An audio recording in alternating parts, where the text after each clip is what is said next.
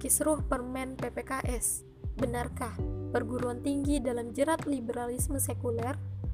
Munculnya Permendikbudristek nomor 30 tahun 2021 tentang pencegahan dan penanganan kekerasan seksual atau PPKS di perguruan tinggi menuai polemik.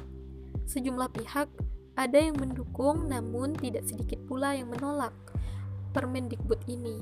Institusi yang mendukung dan menolak Permendikbud PPKS ini sama-sama memiliki alasan masing-masing. Beberapa pihak Majelis Ormas Islam Indonesia menyatakan penolakannya dan menilai bahwa Permendikbudristek tersebut secara tidak langsung telah melegalisasikan perzinahan. Pada pasal 5 Permendikbudristek nomor 30 tahun 2021 menimbulkan makna legalisasi terhadap perbuatan asusila dan seks bebas berbasis persetujuan. Aktivitas seksual tidak lagi berdasar pada nilai agama dan prinsip ketuhanan yang Maha Esa, melainkan persetujuan dari para pihak.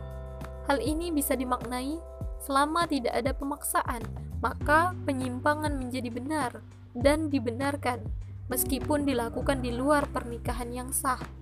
Selain itu, Permendikbudristek PPKS tidak memasukkan landasan norma agama dan cenderung mengarah kepada nilai-nilai liberalisme. Ketika manusia yang membuat aturan akan selalu menuai kontroversial dan pelaksanaannya hanya akan ada kepentingan antar manusia.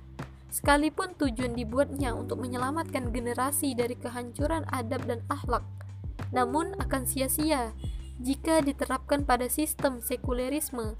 Pasalnya, bukannya menyelesaikan problem kekerasan seksual yang terjadi di kampus, tetapi justru memunculkan masalah baru, yaitu maraknya perzinahan di dunia kampus.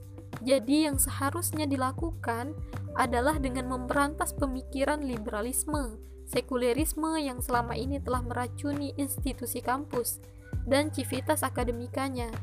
Di sinilah pentingnya menghadirkan sistem pendidikan tinggi Islam yang mengemban pendidikan sohih sebagai instrumen ketakwaan dan pencetak generasi berkepribadian Islam. Dengan sistem Islam, kampus dapat mengambil peran dalam penyelenggaraan pendidikan yang tujuan dan hasilnya akan bermanfaat untuk membangun peradaban gemilang. Wallahu a'lam bishawab.